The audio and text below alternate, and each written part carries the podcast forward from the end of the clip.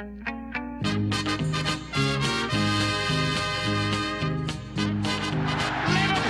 are champions of Europe again. Liverpool are prize winners again. Liverpool is in the record books.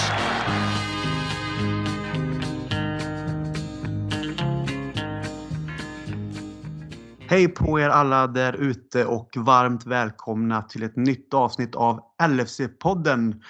Idag är det Christer Andersson som faktiskt leder avsnittet och jag kommer snart att bjuda in kvällens bisittare så att säga.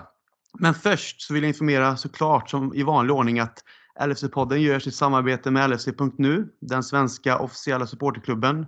Och där tycker vi givetvis att du ska bli medlem om du inte redan är det för att stötta deras jobb och låta den röda familjen växa såklart. Och där läser du de senaste nyheterna. Du får ta del av roliga tävlingar. Du läser spännande och väldigt bra krönikor och allt annat matnyttigt kring LFC givetvis.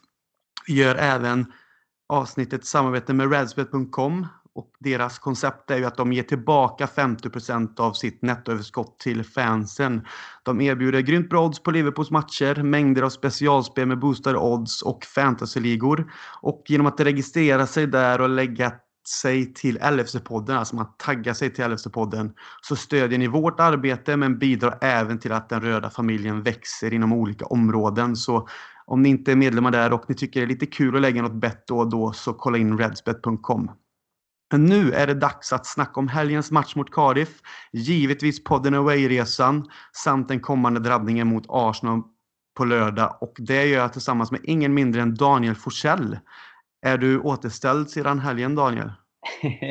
Nej, man eh, har väl lite kvar att eh, ta igen tror jag. Nu är det ju två dagar sedan ungefär som eh, jag och Eidefors ja, det är två dagar sedan vi landade i Bryssel ungefär, ganska exakt, när vi sitter och spelar in här onsdag kväll. Men eh, lite senare i måndags kom han ju hem och eh, jag tror att det, det, blir nog framåt helgen man kan vila ikapp. Man hade nästan behövt lite eh, semester efter podden away känns det som. Och det är väl skönt. Det var väl kanske det man hade kunnat misstänka från början. Det var ju ett, ett bra drag på samtliga inblandade får man säga. Så att man, eh, nej, en jäkla kanonhelg. Men eh, återställningstiden är ju som, som alltid lite längre efter en sån här helg.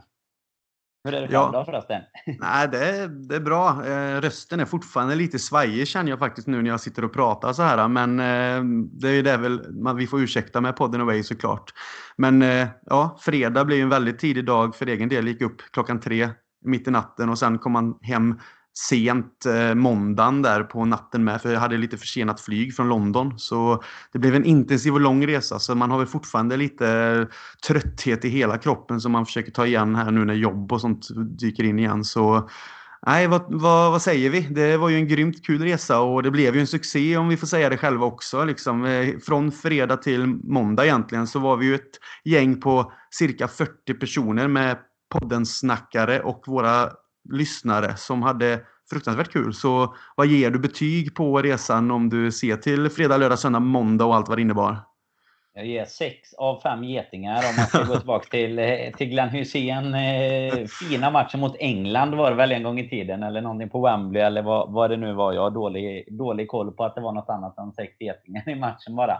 Men nej, men eh, absolut. Jag tror, jag måste säga att eh, man får passa på liksom igen och tacka alla som, eh, som var med. Och har vi ju försökt nå ut via alla våra kanaler och till alla direkt på plats också. Men vi, eh, ja, det är ju det är podden de har hittat oss via. Så att eh, förhoppningsvis, om det är någon som har missat det, så får vi tacka återigen. För det blev nog fasen bättre än vad vi själva nästan hade vågat hoppas på. En riktigt grym helg. Och så toppade det med dessutom då 4-1 mot Cardiff. Även om, om 4-1 kanske ja, var speglar väl matchbilden till viss del. Vi kommer in på det här. Men, men det här riktiga superspelet sitter väl inte än. Men eh, 4-1 kan man ju inte vara besviken på heller, en sån här här. Nej, alltså alla anlände ju lite olika tider på fredagen och det, man slet upp och käka lite och sen hotellet som vi bodde på, Den Nadler som ligger centralt i stan. Eh, liksom, allting låg väldigt bra till och de man slet upp med kändes väldigt det kändes nästan som lite familjärt så här när man ändå visste att de flesta då kanske har lyssnat på oss och, och så vidare. Och sen var det ju lite fest tillsammans och folk var lite på lite olika ställen. Eh, på fredag redan. Och så var det ju tidigt upp på matchdagen och det var uppladdning och lite olika ställen där med. Men sen var det väl Sandon som de flesta samlades på. Och, och som du sa, vi fick ju se en vinst och det kommer vi snacka om här snart också. Och så blev det lite mer fest på kvällen och sen söndag fick man vila ut lite och e ha egen tid. Och sen var det pubquiz som jag blev väldigt glad över att det ser ut som att alla faktiskt slöt upp eh, kring. För att det var ju ingenting som vi liksom på något sätt tvingade någon att, att komma dit vi hade planerat event. Utan det var ju mer så här, vill man vara med på quizet och, och ha roligt och käka lite och ta någon bärs tillsammans så får man. Och, men jag tror faktiskt att alla var där om jag inte har helt fel. Ja, men det var det nog. Det får man ju gratulera till priserna. Det var riktigt fina priser vi hade fått. Det var vår eh, andra samarbetspartner Samdods där bland annat som chippade in en del i och med att vi inte hade någon tröjtävling heller så körde vi ju med lite extra priser på, på plats där. Det var matchtröja och väska och även Redspet hade lite priser med så att eh, nej, riktigt eh, uppskattat tror jag. Det kändes det som efteråt med, även om ja, det var ju vi i poddgänget som hade gjort frågorna. Det kändes väl som att svårighetsgraden var Får, vi får tumma lite på den nästa gång. Det var nog vi själva hade nog knappt eh, kommit med i topptrion där heller. Men jag tror väl att den som vann hade väl 10 rätt av 13 tror jag. Det är ju ganska bra. Men trean hade nog 7 och sen var det neråt med resten av de här 40 personerna. Så eh, nej, riktigt starkt jobbat. Eh, det var ju din eh, resekompis faktiskt som drog hem. Kanske var du och han som hade och Peter som hade delat era kunskaper i, i tåget från London. För han var en riktig fena på de här frågorna ju. Ja, men han kände som han hade koll faktiskt. Även om vi faktiskt inte pratar någonting om det givetvis. Så jag har, jag har faktiskt ingen koll på några frågor heller. Förutom det man själv har skickat in för några månader sedan. Så att det, det är någonting man inte ens hade koll på vilka frågor det var. Eh, men, det var riktigt, men... riktigt lyckat alltså. Och sen med, med middag och sånt på kvällen så bra uppslutning. Och vi, vi kan väl eh, liksom... Eh, vi, nu har vi ju lovat det för de som var med. Men vi kan ju redan nu flagga upp för att det kommer. Och bli ett återkommande inslag eh, och hoppas givetvis att eh, alla som var med kommer vilja vara med och att vi även kommer kunna utöka det, även om det kanske inte vi kommer kunna vara hur många som helst, men eh, så att vi i alla fall kommer att kunna vara ett riktigt fint gäng som åker över igen under nästa säsong. Absolut, så att nej, det var en, en grymt bra resa och så otroligt roligt att liksom få den känslan från våra resenärer också liksom som var med. Att alla uppskattade, alla tyckte om upplägget. Det fanns lika ingen, fix, jag kan inte prata. Fanns ingen känsla av att det var någonting som var liksom ja, gått åt helvete om man säger så, utan allting verkligen fungerade och nej, det var bara roligt. Så som du säger, det är väl bara att nästan haka på tåget och köra och så planera in någonting till nästa säsong och hoppas att det här kan bli en stående grej för lång tid framöver. Så länge vi orkar hålla på. Ja, men absolut. Det man skulle kunna, kunna flika in där. Dels det som du säger, så länge vi orkar hålla på, så ger ju det här en, en väldigt eh, förnyad eh, energi kan man säga som man kan leva på i tio år till nu. Att man bara har fått, fått hänga med alla goa lyssnare liksom. Och det man kan flika in där tycker jag är att eh, det försökte vi nog förmedla inför bokningen till detta också. Men är man eh, lite sådär osäker, fastän jag, jag åker själv eller man har ingen eh, polare som vill hänga på, så det kan man ju verkligen säga efteråt att oavsett om du är där för första eller tjugonde gången, om du har någon polare som vill åka med eller inte, så är det liksom inget man behöver vara orolig för. För eh, det blev ett så jäkla gott gäng och jag tror att alla 40 egentligen som var med kan nog säga att man verkligen har hittat nya kompisar och, och kunnat hänga. Ja, verkligen. Det blir en viss känsla när man åker så här. När det liksom är fotbollen som förbrödrar genom Liverpool. Då. Det, alla har ju det gemensamma intresset så att det är inte direkt svårt att, att komma in i ett stort gäng. Så även om man åker själv så eh, nej, det eh, får man verkligen tänka på till nästa chans man får. Ja, jag tyckte det var skönt att just den här känslan, precis som du säger, att man kunde knyta lite nya vänskapsband fast man inte träffat. Liksom, majoriteten av dem har man ju inte träffat, och, om ens någon om man ska vara ärlig. Och, men alla kändes väldigt så eh, alltså, lätta som personer. Det var lätt att prata med, det var skratt och skön jargong. Och, liksom, man har blivit vän med väldigt många redan på Facebook och lite Twitter. Alltså den här sköna känslan och då blir det att man följer varandra ännu mer och så vem vet, det kanske blir någon slags reunion i Sverige också på, på den vägen sen också. När man är förbi de olika städerna som de kommer ifrån så nej, det gör vi såklart eh, om framöver. Men nu tänker jag att vi hoppar vidare mot den matchen vi fick se på Anfield då som var mot Cardiff. Och då valde ju faktiskt Klopp att göra tre ändringar jämfört med matchen mot Röda Stjärnan där Daniel. Och då var det Lalana, Moreno och Lovren som alla gick in från start. Eh, och då är det ju såklart Eh, Gomes, Robertson och Shakiri som, eh, som utgår inför den här matchen. Vad tänkte du om det när vi fick se startuppställningen där med det dåliga nätverket på The Sandon? Ja, vi var ju inne på Sandon där och innan matchen och, eh, och det kom fram och bara, bara att få se liksom Robin Bylunds ansikte när eh, man ser att Moreno, Lovren och Lalana startar. Det är ju nästan bara det värt. Eh, Eh, åka med på nästa podden away-träff. För det var, därifrån kan vara rätt besvikna miner kan jag säga. Jag kände väl också ja, jag, jag måste ju stå bakom min åsikt här från förra avsnittet att jag och Eidefors pratade ju faktiskt om det inför Cardiff att eh, Robertson kanske var nästan den sista man skulle flytta på och det mm. vidhåller jag väl egentligen. Men eh, såklart att är det någon gång man kanske ska vila honom så känns väl Cardiff hemma som en möjlighet i och med att inte de är, är direkt kända för sitt anfallsspel. Men samtidigt så kan jag inte säga att det var det var, det var inte så att jag ställde mig och, och bjöd hela Sandon på bärs bara för att vi fick se Moreno, Lovren och Lallana för att jag skulle fira så. Utan, nej, det, det var väl inte jätteroligt, även om jag inte kan säga att jag kände någon...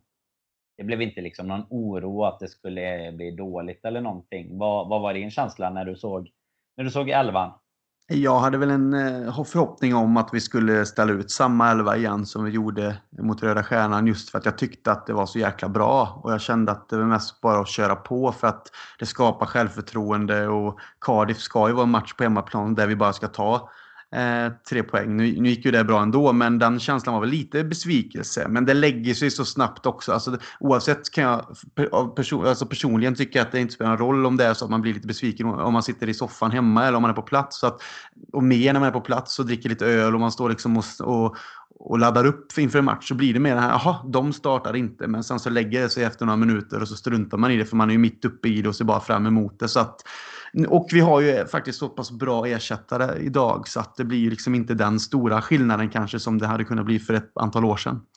Ja, det är ehm. väl för att hålla spelarna fräscha också såklart. Det är ju, man vet ju aldrig vad som händer på träningar och sånt heller. Det är inte alltid att det kommer ut om det är någon som har någon liten smäll eller sådär. Så att eh, det är klart att är det någon match man kanske ska passa på att rotera så är det väl en, en sån här typ av match. Men det var just det att det inte är Arsenal innan nu på lördag då som gjorde att man ändå tänkte att vi skulle se ett ganska starkt lag. Sen givetvis också så blir det ganska tätt efter Arsenal. Så eh, det är väl det i åtanke för Klopp också. att tänka på att vi har lite tätare matchande framöver och Champions League som är jäkligt viktigt och sådär. Så att eh, det är väl skönt att, eh, att man kan eh, unna sig och låta vissa vila även om typ Shakiri har ju inte spelat så att han hade behövt vila i alla fall. Han har ju spelat ganska lite ändå än så länge. Så eh, nej, vi får väl se om det, om det är ett tecken på att han kanske har slått sig upp lite i rankningen så att han faktiskt vilas inför typ helgen nu då. Ja, och sen var väl känslan, känslan såklart inför matchen att Liverpool är obesegrat efter nio omgångar i ligan. Eh, och Cardiff låg på 18 plats. Eh, endast en seger och så ska man möta liksom Liverpool på Anfield. Eh, man, en, en, känsla finns ju ändå att man har, de, vi är så pass stabila nu. Så mm. att eh, ska vi vara med i toppen så är det en match man ska vinna då, det såklart. Eh, ja, men jag tänker... de här, alltså, man, man, märker ju att de här som, som vi snackar om mycket med, tycker jag, det blev mycket snack om det med, med alla i helgen här, att eh, de här alltså segrarna som man bara gör och går vidare, alltså det här när, när bara jobbet ska göras, de har ju blivit mycket vanligare. Alltså att man typ men vi vinner med 1-0 borta mot Huddersfield. Ingen är jättenöjd efter för att man förväntar sig att det kanske ska bli något mer av det. Sen, men sen är jobbet gjort. Nu kom Cardiff, Röda Stjärnan har varit och man liksom glömt av att det bara inom citationstecken då blev 1-0. Man är liksom bara nöjd med tre poäng.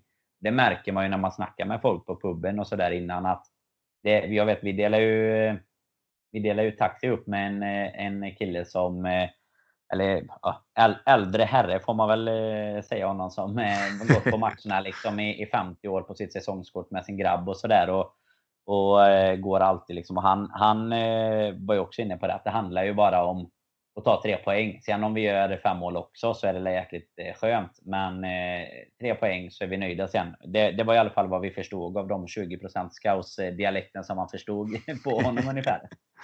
Ja, precis. Men det är alltid härligt att höra scouse såklart. Och det hör man ju ja, givetvis på plats rätt så högt och gällt när man är i Liverpool också. Eh, och sen lite kan man flika in att van Dijk var ju kaptensbinden, vilket vi mm. inte såklart eh, tycker är någon konstighet. Men eh, som jag förstod det var det framröstat av spelartruppen innan matchen.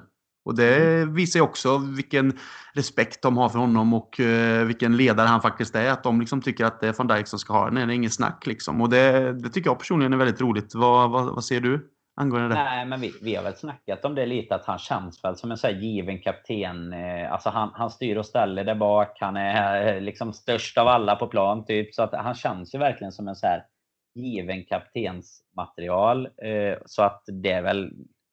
Och han är ju dessutom helt given i laget, liksom kanske en av dem man kritar ner först. Så att jag tycker väl att eh, det känns som att han borde gå före Milner och Henderson egentligen också. Men det är klart att han är ganska, dels är han ganska ny, det är hans första hela säsong. Och sen så petar man ju kanske inte bara en kapten bara så heller. Eh, Henderson gör nog ett jäkligt bra jobb tror jag också, även om det blir ju lite sådär svårt när, när du inte är given i laget längre, som han ju faktiskt inte är, och, och ändå stå som kapten, för då är det ju kanske bättre att man skulle flytta vicekaptenen till typ van Dijk istället för Milner. Eh, som exempel då eftersom van Dijk kommer alltid spela, Milner och, och Henderson kommer kanske inte alltid göra det. Eh, men eh, att, att han blir framröstad på det sättet med, det känns ju som att ja, en bekräftelse på att allt det som vi ofta tror och, och, tycker och tänker runt om, att det faktiskt också ligger någon viss substans och sanning i det. Och jag tyckte även det var rätt häftigt att eh, Wijnaldum hade blivit framröstad som liksom fyra bakom de här tre då. Mm. Så det, det, är lite häftigt med tycker jag, för det har man kanske inte tänkt däremot. Och att han liksom är en sån ledare, kan jag tänka mig, utanför planen då som eh, det är säkert mycket det som spelarna själva går på. Eh, van Dijk är väl det både, både på och utanför kan jag tänka mig. Det känns som att han är ganska, ganska bestämd och väldigt starka liksom, ledaregenskaper och, och kan förmedla det Klopp vill på en fotbollsplan också. Så det är perfekt egentligen. Och det var väl, om jag inte tänker fel nu, så att det var väl andra gången va, som han fick den nu. Nu var det kanske första som man tog den från start så, men eh, nej, det känns som att eh, är det, vad ska vi säga, två säsonger så sitter den kanske där permanent.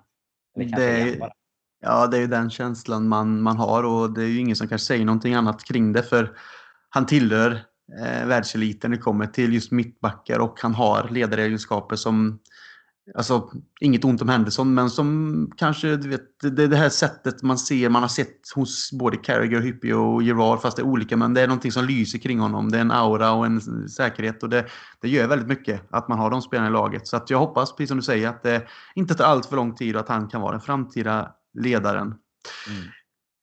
Men matchen då, eh, den kickar igång och det känns ju som Liverpool tar taktpinnen egentligen direkt. Eh, vi hade ju en del lägen. Eh, nick i stolpen och van Dijk. Eh, hade vi, nej, det hade vi inte från början. Förlåt, nu tänker jag helt fel här. Det, det är ju vi som drar igång matchen ska jag säga och sen går det rätt så snabbt och så gör Sala eh, rättvist 1-0 där. Jag gick mm. lite händelserna i förväg här. Um, och det säger ju en del också, att vi liksom äger matchinledningen. Cardiff har inte så mycket och vi trycker på med de här lägena som säger, och en nick i stolpen då från Dijk. Eh, och det finns även en, straff, eh, en eh, straffsituation där Salah blir neddragen i straffområdet där. Eh, det är svårt att se de här på plats. Eh, såg du vad som skedde där? För själv gjorde jag det inte. Nej, jag var ju också på helt fel sida. Eh, var uppe på The Cop och det var ju åt, eh, åt Anfield-hållet, eh, liksom, Anfield Lower-hållet som det hände. Men kändes ändå solklar måste jag säga. så det är från, från jag vet inte, hur långt är det? 100 meter ifrån så tyckte jag det kändes klart. Nej, men det, jag har faktiskt inte tänkt mycket på just de situationerna i efterhand heller. Men det, det kändes ju där och då som att det var straff, men det känner man väl alltid, tänkte jag säga, när man är är på plats. Men det var ju verkligen som du säger att vi hade ju taktpinnen och gjorde ju vad vi ville. Och jag minns att jag läste någon stats när man stod där nere och, och väntade på sin scouse pie där i halvtid att, eh, vi, att de inte hade haft en enda passning i, i våran box. Och nu minns jag inte från, från minnet så, men vi hade väl en 80-85% bollinnehav också. Så att det säger ju, säger ju någonting om dominansen ändå som, som var. Men du uppfattar inte heller just den situationen, straffsituationen eller? Nej, det gjorde jag faktiskt inte. Och den har jag heller inte sett i efterhand. Och det kan man ju flika in lite så här nu när man sitter faktiskt och poddar och pratar om matchen. Liksom, när man ser den live på plats så är man ju igång på kanske ett annat sätt. När man sitter framför TVn så hinner du med repriser och analyser i halvlek. Det känns som du har helt, helt annan typ alltså bild av matchen när den är på plats. Det är lite så här murrigt kring händelser. För det, du, du tänker när någonting sker att du vill se det igen i huvudet känner jag och så bara, just det, ja, man får inte se det. Och det är det, är det som gör att man ibland känner att när man sitter här och pratar och man sätter match på tvn så känns det som att man spelar upp matchen i huvudet. Här Mm. blir det väldigt så här diffust kring, ja just det, ja, vad var det som hände? Och det är ju det är en nackdel kanske på det sättet. Men jag har hunnit se lite highlights men inte inte direkt på grund av jobb och sånt hunnit gräva ner mig i det heller då. Men det, men det ska så- säkert gå bra. Ja, så är det ju som du säger att det blir en helt annan grej när man, när man eh, ser matchen på TV. För man får ju dels repriserna, sen har du ju absolut bästa vinkeln. Liksom, du ser ju hela tiden vad som händer. Mm. Enda skillnaden när du är på plats det är väl att du får en större, bättre översyn liksom över okej nu, nu springer Mané längst ute på vänsterkanten. Den löpningen ser du inte på TV när bollen kommer dit. Liksom. Men eh, just de bitarna, och det är samma som du nämnde innan, tycker jag att även det här både inför och efter match, det får man också en helt annan känsla för hemma i soffan. Då blir man så här, ah, fan ska Moreno spela nu liksom? Med, Medan man tar det lite mer med en, en klackspark på plats. Och, eh, vi var ju några stycken som var över på eh, en, den här tunga förlusten hemma mot Swansea också. Och då blir det så här efteråt, då släpper man det lite snabbare när man är där tycker jag. Hemma är man ju fan besviken i, ja, till nästa match i stort sett. Medan man där på plats så går man in och, och tar några öl på Sandon och, och sitter och snackar lite. Och så mår man ändå man mår lite bättre eh, trots en förlust där. Tycker jag jämfört med, med när man sitter hemma och bara de vevar highlightsen i studion. Liksom. Ja, jag kan ju bara referera till mig själv under den perioden jag bodde där borta. Liksom att det var ju många matcher som faktiskt Liverpool eh, spelade lika eller förlorade på Anfield. För det var ju inte våra glansdagar direkt där mellan 2009 och 2013. Så det var ju väldigt mycket Och en titel i alla fall.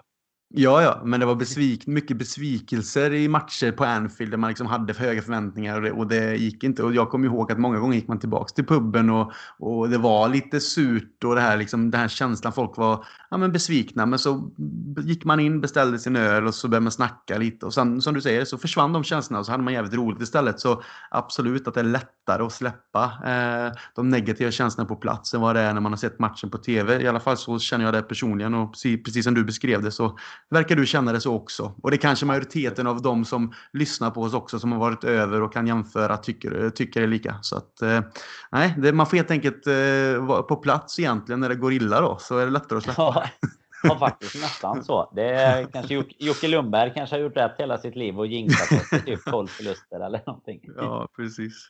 Nej, vi tar oss vidare. Du sa ju innan här, vi hade ju 85 i, mot 15 i bollinnehav och det visar ju på en stor klasskillnad egentligen mellan eh, Liverpool och Cardiff. Och det kändes stabilt och tryggt hela vägen och vi gick in i halvtid med 1-0. Så att eh, din känsla, bara kort där, om man tänker vi går in med 1-0 i halvlek trots att vi då har eh, haft en så, så pass stort spelövertag och fört den matchen och haft lite halvchanser och så vidare. Vad, vad kände du där och då, just i halvlek? Att går vi ut och, och avslutar det här enkelt eller kommer det bli att vi kommer behöva vara nervösa?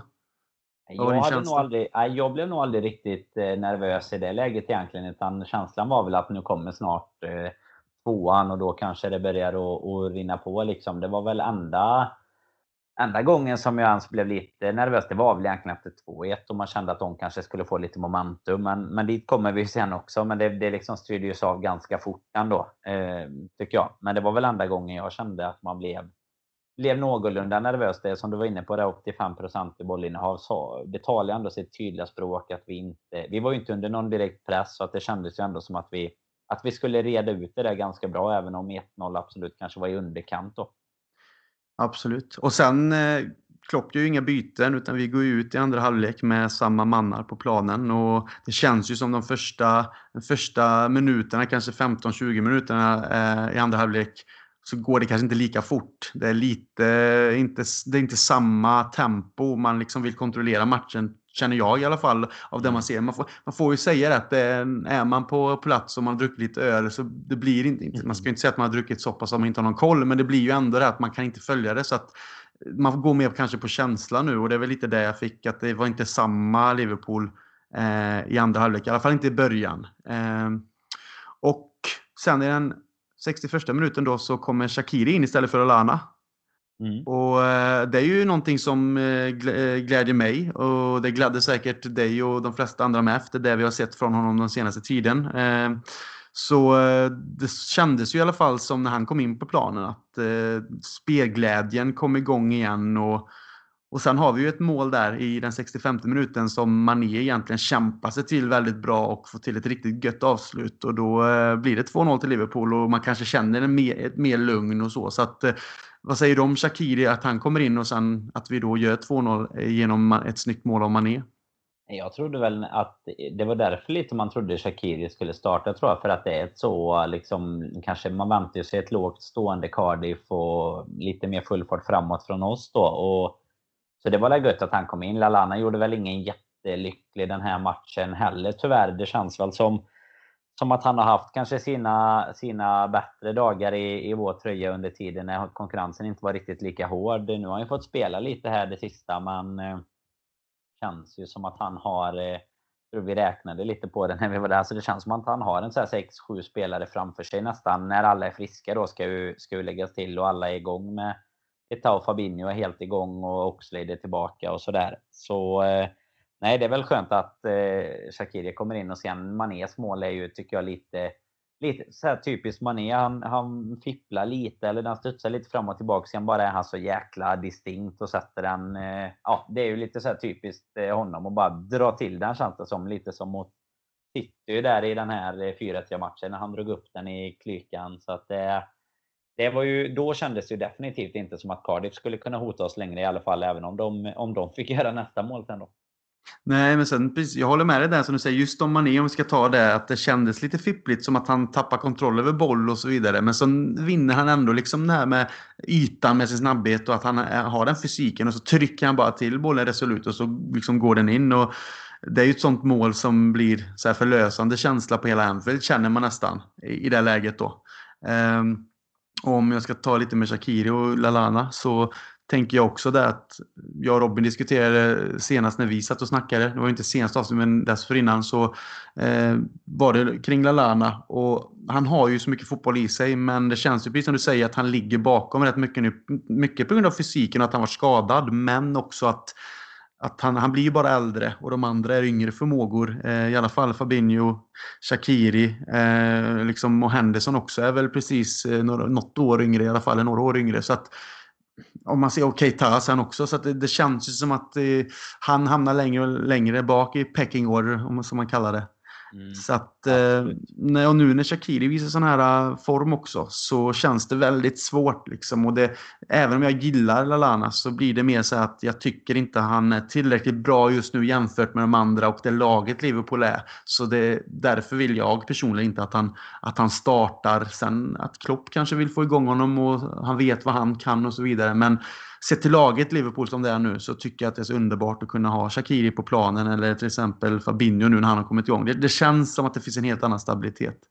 Att uh, Shakiri just så tycker jag att också att det blir, spelet blir mycket rakare. Alltså Shakiri är en typ av spelare som kanske är lite svårare för motståndarna att hålla bra koll på. För han, alltså känner han att han får ytan så drar han ett skott. Sen är han väldigt skicklig på att dra igenom djupledsbollarna och sådär. Lallana är lite mer så här transportspelare. Alltså han står och stampar lite ibland. Sen har han ju alltså riktigt fina fötter, det här med vändningar och han kan vända bort spelare och sådär. Men det, han har liksom varken riktigt den här genombrottskraften eller superkvaliteten på sina eh, genomskärare och långbollar tycker inte jag. Utan lite mer kanske passande för det Liverpool som, eh, som var innan Klopp kom. När vi liksom har tagit det här nya steget och faktiskt är, är ett lag i både Premier League och världstoppen liksom, jämfört med när vi kanske låg eh, ytterligare ett steg bakom. Då, eh, alltså han hade ju gjort sig jättebra i en klubb, tror jag, runt tiondeplatsen. Alltså, så frågan är om det inte blir ja, till januari eller till sommaren att han faktiskt eh, lämnar för att kunna få ut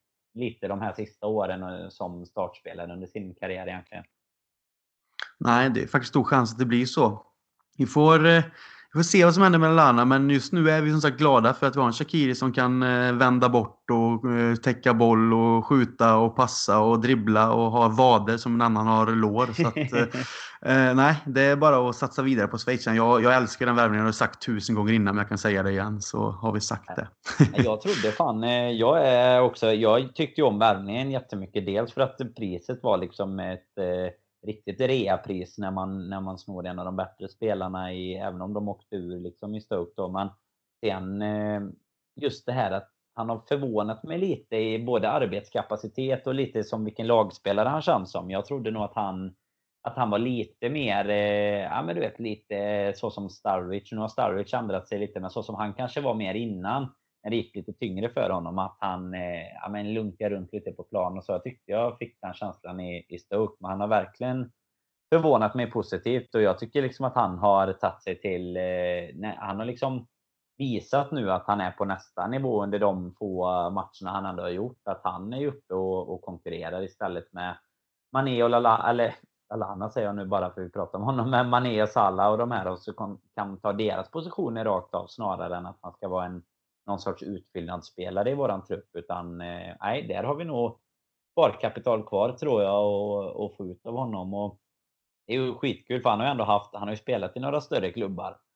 Så det är klart, nu, nu hör du att rösten tryter lite. Men får vi, får vi ursäkta för det här. Det är helgens fel här. Nej men han har ju ändå spelat i, i några större klubbar och sådär innan. Och, och jag menar, han är man tror ju inte det, men han är ju 91, så han är ju yngre än vad, vad en själv är här. Så att han har ju ganska många år kvar också känns det som och, och kanske till och med ha sin, sin peak kvar. Man får väl se här. Eh, men får väl instämma med dig att det är en, en fantastisk värvning. Absolut. Det, vi, vi kommer ju snart in på de här igen här. Men först så är det 77 minuten och då kommer reducering. Eh, och det är faktiskt Liverpools eh, nolla på Anfield som spräcks efter 918 minuter. Håller nolla. Hur kändes det? Nej, det var ju skittråkigt. Jag läste inför matchen faktiskt att, de, att vi kunde slått rekord. Nu har jag inte siffran, men säg att det var hela denna matchen ungefär. Där någonstans låg, eh, låg vårt rekord på eh, hållna nollor då, om man bara ser det ur det stora perspektivet. Och sen var det väl bara på plats kändes det ju bara jävligt konstigt. Jag såg inte riktigt vad som hände och så helt plötsligt så, så var bollen i mål och jag tänkte de hade inte ens varit, varit där uppe knappt och, och anfallit. Men eh, nej, det var väl där som jag sa innan som man kanske kände att det blev lite nervöst bara för att se om de fick igång något momentum. Och jag tror väl det var första, ja, det första den här säsongen och första sedan februari eller någonting var det va, som vi ens släppte in mål på Anfield senast. Så det, det säger väl någonting om eh, vilket fort det har blivit här nu under Klopp det sista året egentligen. Ja, och sen är det ju på det sättet som du säger med målet. Det kändes som de flesta på Anfield inte riktigt uppfattade vad som hände och blev lite så va? Var det mål? Liksom. Det var inget anfall som man kände att shit, här kommer någon fri. Eller, liksom, utan som jag såg det på bilden i alla fall så är det ett inspel som sen, eh, vet inte vem det är, men deras anfallare, eller jag har faktiskt ingen aning, men har ingen koll på Karl på det sättet, men de hoppar framåt liksom får en tå på bollen som gör att den styr förbi mm. eh, Alisson i målet. Då först trodde jag faktiskt att den tog på en av våra försvarare, men eh, det såg inte ut som att det var det. Utan att han hoppade in där i en, i en yta och fick en tå på bollen och så styrdes den in. Och det finns inte så mycket att göra egentligen. Det går ju så snabbt där. Men man fick inte känslan av att det var ett farligt anfall när det, när det var på väg uppåt. Utan det kändes som att vi hade rätt så bra koll på det. Men Chi fick vi där då och då var det lite nervöst ett tag och då blev, blev det den här känslan smög sig på att Ah, shit, ska de få lite momentum nu av det här och kanske få någon eh, fast situation och trycka in en boll till. Och vi har ju den här känslan nu när vi spelar i toppen mot, dem mot City, om man säger så också, att vi får inte tappa de här poängen. Och det tycker jag är jäkligt jobbigt. Ju särskilt också när man är på plats med, med podden away och, och alla våra resenärer. Man vill ju verkligen få en match där vi vinner också. Det är liksom alla aspekter av det. Men då är det ju som sagt våran schweizare Sherdan Shakiri sen som får en riktigt härlig litet instick av, av Sala och så tar han med sig en snyggt i steget och så går han förbi och trycker in 3-1 med vänsterdojan där. Och eh, då är det väl ändå en sån här känsla av att man bara yes, nu, nu är det egentligen klart. Nu kommer inte Cardiff komma tillbaka. Och det är ju Shakiris första tävlingsmål för Liverpool också. I ett läge där man verkligen kände att det var, ska man göra det så ska man göra det nu. Så vad kände du när han tryckte in 3-1 eh, bollen? Ja, men det var ju som du säger, det var ju så här förlösande att nu, eh, nu kan vi inte sumpa detta i alla fall. Att eh, nu kändes det ju klart och det var inte så länge kvar då heller. Eh, och sen just viktigt tror för honom. Han har ju varit nu de senaste matcherna varit lite assistkung istället och stått för väldigt mycket framspelningar. Men jäkligt kul att han får, får göra en balja också. För det är ju viktigt för en sån spelare med tror jag. Få igång poängproduktionen och liksom både för sin egen status i laget så att säga, för att ta en, en startplats, men framförallt för självförtroendet såklart och känna att man, att man är med och att det går vägen liksom. Det är väl det som, eh, som om man jämför med till exempel då Lalana eller någon som det kanske känslan snarare att det inte riktigt eh, går vägen. Alltså lägena sitter inte, sista passningen sitter inte och sådär. Eh, det är ju ruggigt viktigt för en spelare och, och viktigt för laget när det ändå känns som att det inte kanske inte spelet klaffar riktigt än till 100% så ska man ändå komma ihåg. Jag vet jag och Eidefors tog upp det i förra att eh, vi hade topptrion då som många inte tycker har, har kommit igång riktigt hade gjort 15 mål kontra 12 då föregående säsong och nu gjorde de ju tre stycken tillsammans då med, med Manés två och Salas mål där så att eh, nu är de ju uppe på 18 då istället så att de det känns som att spelet inte sitter men ändå så, så öser vi ju in mål liksom. Så eh, att Shakiri kommer in i det protokollet också, det kan bara, kan bara vara positivt. Och, eh, som, som ny favoritspelare för dig där måste det också varit eh, gott att se att han fick eh, trycka in ett. Ja, ja. Alltså det är någonstans har man väl egentligen bara gått och väntat på det. Det är ju mer att det här ska faktiskt få speltid. För att han kommer göra mål har jag inte tvekat på. Jag är, alltså det låter som jag är Shakiris största beundrare. Det... Jag kan tänka mig att du och han har tagit några öl tillsammans i Stoke eh, tidigare. Jag vet inte, jag kommer inte om han spelade där när, när, när ah, du Nej, det var mer... mig om han eh, hade gillat att gå ut och ta en bira i Stoke. Det känns kompatibelt. Ja, nej, det var mer... Eh, det var ju Tony Pulis och eh, Rory DeLapp eh, precis där i den stunden. Det var långa inkast, kalla kvällar och regniga kvällar i Stoke så att säga. Så det var ingen, inget skönliv som från Shakiri. Ja, precis. Nej, men jag har väl egentligen inte, jag har aldrig följt honom så nära, men jag har ju liksom någonstans fick upp ögonen för honom när han var med i U21-EM här i Sverige, tror jag det var faktiskt. 2009 om jag inte är helt fel ute nu, men det var väl något sånt ja, ungdoms eller U21-mästerskap i alla fall som jag såg att den här killen har så mycket. Och jag, jag kommer ihåg det ryktades att han skulle till Liverpool också och så vidare. Och sen blev det ju Bayern München istället och den här vägen via Inter och, och Stoke och så. Det var ju många som, som sagt, kanske, jag vet jag skrev på Twitter en liten här tweet där man liksom så här haha-tweet nästan lite när eh, många som kanske tyckte att vi köper från Stoke liksom som åker ur då det bästa de har och att det säger mycket om hans nivå. Men jag tänkte på det du sa innan och kan återkoppla till det lite snabbt att det känns ju som att han har ju så mycket kvalitet eh, och att man kanske fått känslan av att han har varit lite loj och kanske haft en nonchalant inställning tror jag för att i Stoke var han stjärnan och han kanske kände att det var han som egentligen skulle göra saker så han försökte för mycket vissa gånger. Att det var liksom, det låg på hans axlar, att vara kreativ att skapa målchanser och, och göra mål. Men i Liverpool känns det mer som att han, han vet egentligen sin roll. Eh, att han har han har möjligheten att spela matcher, men han spelar också med världsspelare på de flesta positioner och det är klart, det gör ju en, honom bättre också som spelare. Och sen känns det även som att han vet om att det här är sista chansen på, det, på, en mm. sån, alltså på nivån i en sån klubb. Så att då ger man nog fan 100% och lite till för att visa att man vill vara med när man brinner så för det. Så jag, jag tror egentligen att det är den upphöjningen för honom själv att faktiskt gå från Stoke som han vet egentligen inte är med och tävlar om någonting och faktiskt åker ut till att gå till Liverpool som är med och tävlar om de stora titlarna nu för tiden. Att det bara gör att det liksom brinner till i någon och känner att nu, nu är jag här igen och nu ska jag inte tappa den här gången utan ska jag vara med och bevisa att jag ska få vara på den här nivån. Eh, förhoppningsvis fram till att karriären börjar dala som den gör. Men det är som du sa, hans, hans peak kommer kanske här om ett år eller två eller tre. Han är han 27 då, är han väl. Ja, eh, så han, har, han har ju några år kvar. Så det, det, är lite den känslan jag har haft över honom hela tiden. Att jag alltid gillat honom, alltid tyckt att han var duktig i de lagen han har, han har varit i. Sen att hamna i en Stoke är en annan grej. Liksom. Men när, när liksom det började ryktas om att vi skulle köpa honom och för den summan så jag blev ju skitglad. För jag tänkte, som en truppspelare, men även en spelare som kan bidra med eh, med att spela på flera olika positioner. Och så frisparkar och passningsspel och skott. Så att, nej, nu har vi snackat Shakiri mycket här, men eh, det går knappt att snacka för mycket om honom tycker jag. nej, det är helt rätt.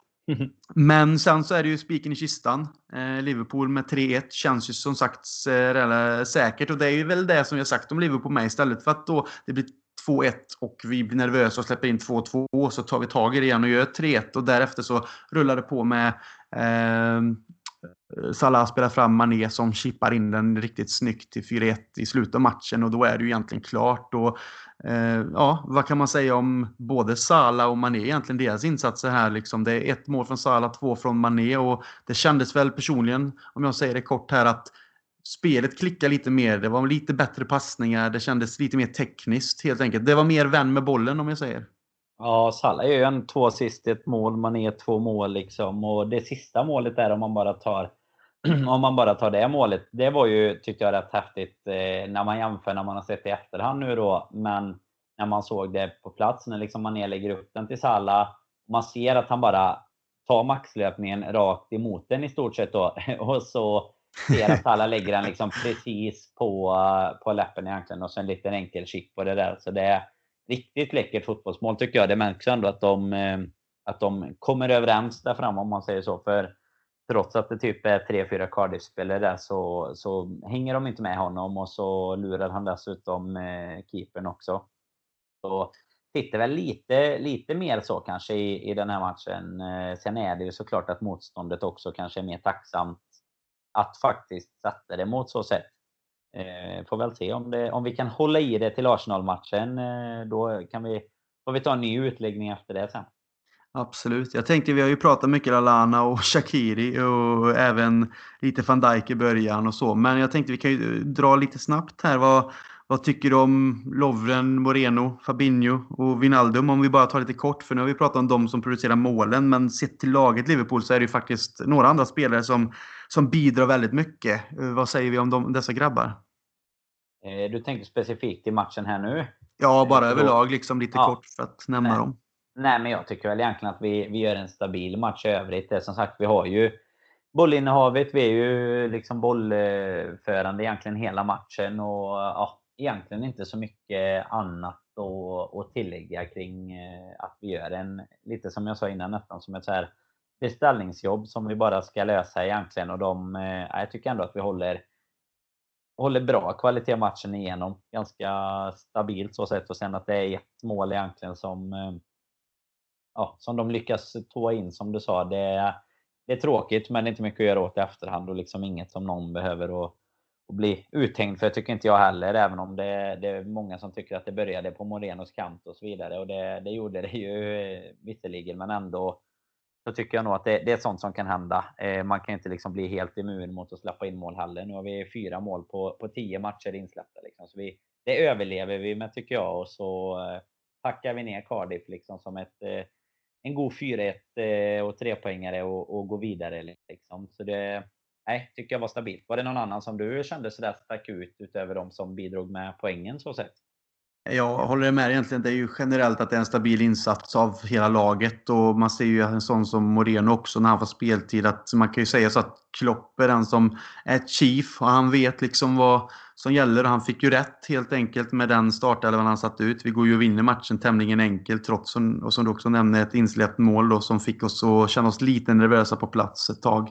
Men eh, annars tycker jag att alla gör den här stabila insatsen. Jag älskar ju också Wijnaldum och den spelaren Eh, han, han hade väl någon passningsstatistik som var bara någon passning en passning mindre eller mer. Jag vet inte vad det var nu som Cardiff hade som hela laget. Så det säger väl också en del om hans insatser eh, liksom som en ny den här på mittfältet. Liksom han, han har utvecklats någonting från en riktigt liksom, offensiv spelare i de lagen han spelat tidigare till att bli en allt i allo i Liverpool. Han kan ju användas på flera positioner, men just den här mittfältsrollen han har tagit tycker man, det får man verkligen eh, applådera. För att det är inte alla som kan ställa om till de rollerna, men han har verkligen eh, tagit det till sig. Så att han vill jag gärna höja i så fall. Men sen så var det ju såklart, det blir eh, värdefull eh, vila för eh, spelare som Gomes, Robertson och Milner inför det som komma skall. Så att jag säger som du Daniel, vi packar väl ihop Cardiff där och tackar för podden Away och tänker att vi tar det framöver igen och kanske lite större match som kanske finns möjlighet också. Och så går vi vidare mot eh,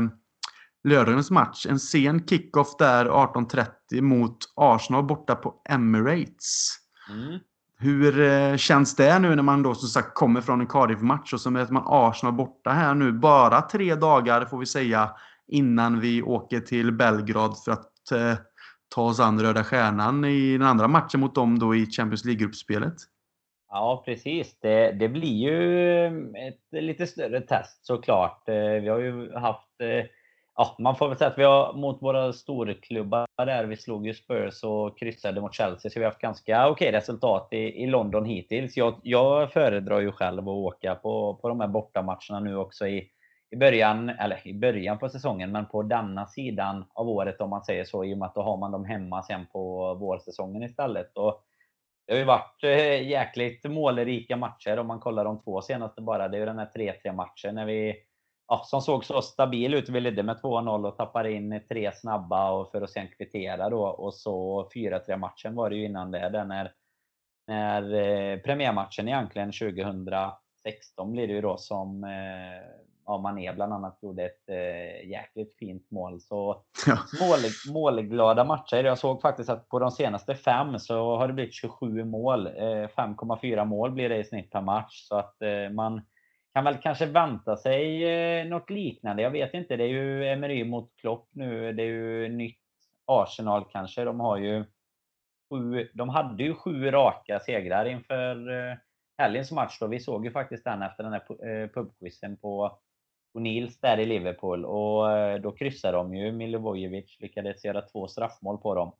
Eh, så kommer ju hit med åtta raka utan förlust egentligen, men eh, en, eh, en lika då som bröt den här långa vinstviten de hade. Och jag tycker, jag har sett ganska mycket Arsenal. Jag tycker väl att de ser lite svajiga ut bakåt. De har fått igång några spelare som de inte riktigt hade fått igång innan, som Lacazette till exempel, har ju fått en mycket bättre start nu, men sett till spelet så är väl min känsla jag, jag har alltid svårt att säga när vi åker på en sån bortamatch, men jag känner ju nästan att vi egentligen är lite favoriter, eller i alla fall borde absolut kunna plocka med oss ett kryss hem. Eh, sen kan ju varje match givetvis ha- ja, hamna hur som helst. Det beror lite på vem som har dagen och så vidare, men på förhand så tycker jag nog att vi ska, att vi ska vara positiva. Vi har ändå, vi hade sex raka utan förlust. Eh, egentligen, om man räknar både hemma och borta nu då.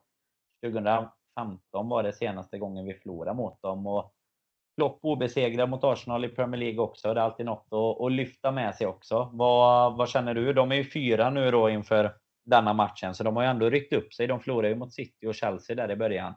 Men ryckt upp sig och är ju med faktiskt i, eh, ändå i snacket nu om man säger så igen.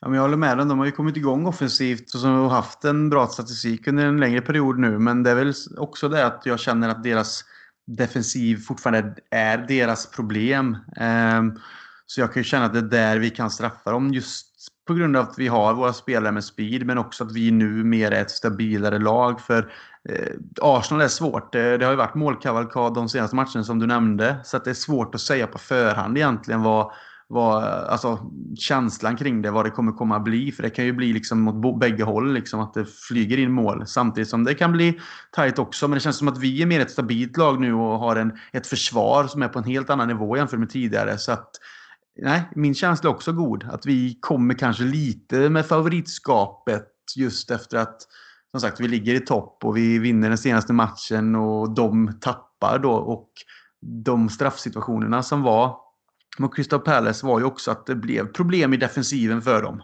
Eh, och det ställde till liksom, det var lite, det var inte, kändes inte så organiserat och på det sättet. Så att nej, att åka till Emirates just nu faktiskt eh, känns väl bra. Det, det enda som jag kan tycka är lite jobbigt om man ska kan kalla det så.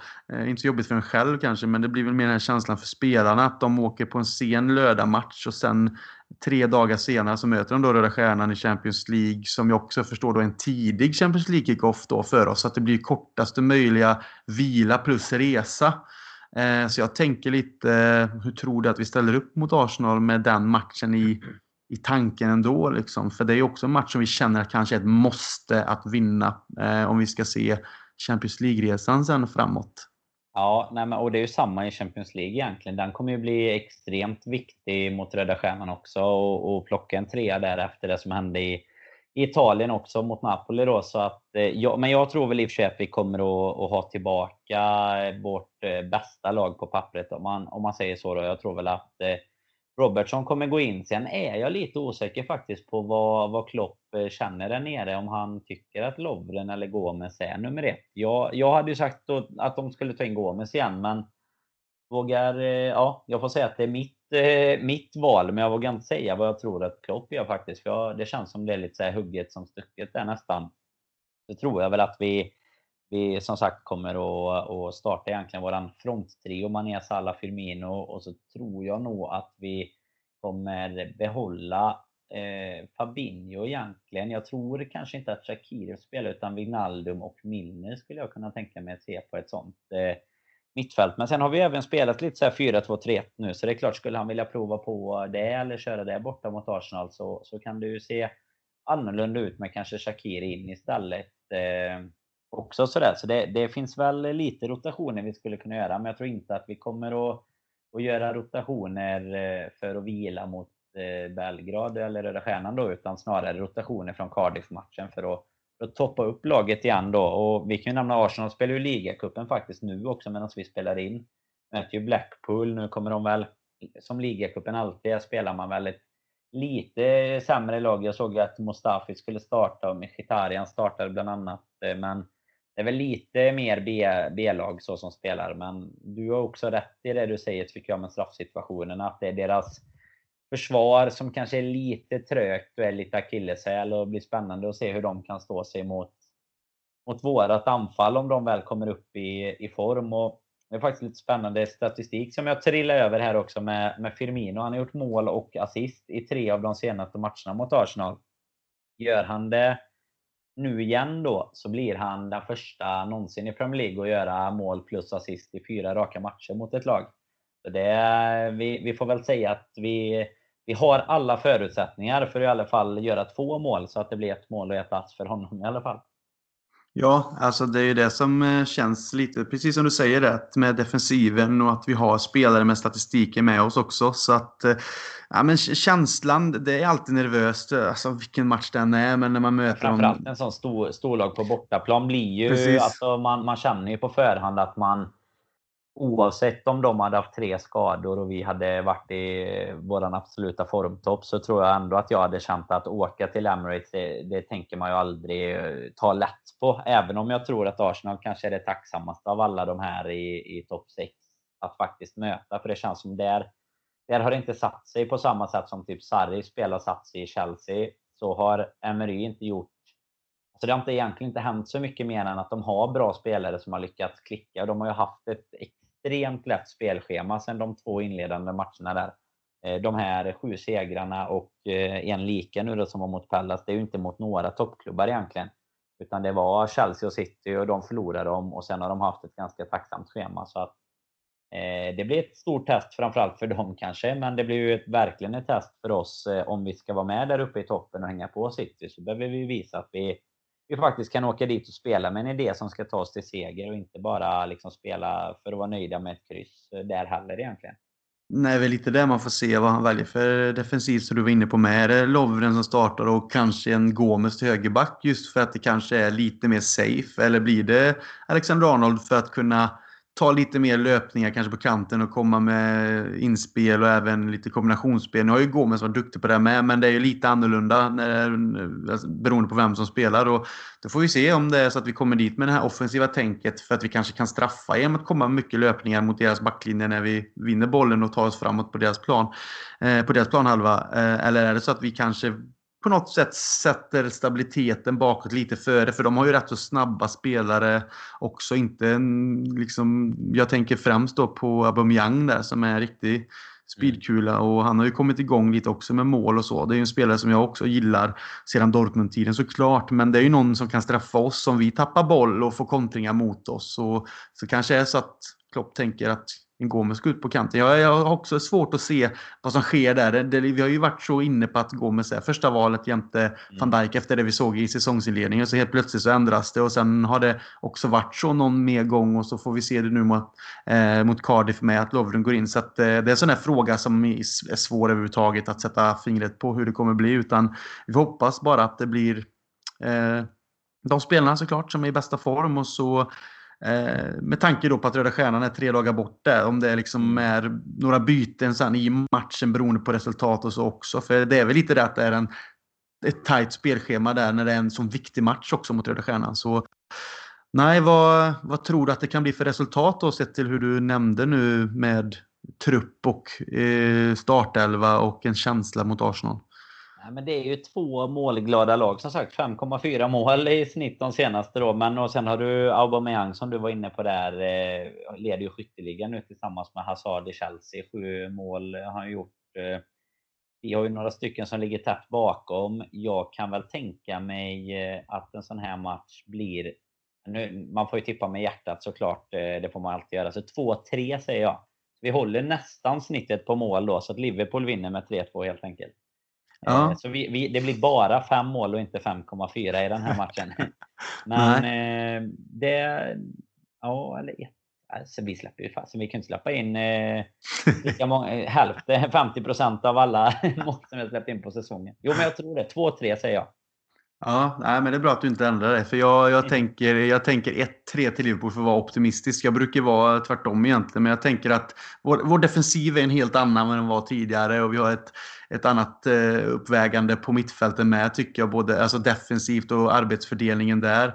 Och nu med både Salah och Mané som har kommit igång och sen Firmino med den här statistiken som han kanske är sugen på att lösa så, så känns det som att vi kanske ändå kan vara det laget som eh, drar det längsta strået där. Så Eh, 3-1 till Liverpool för min del.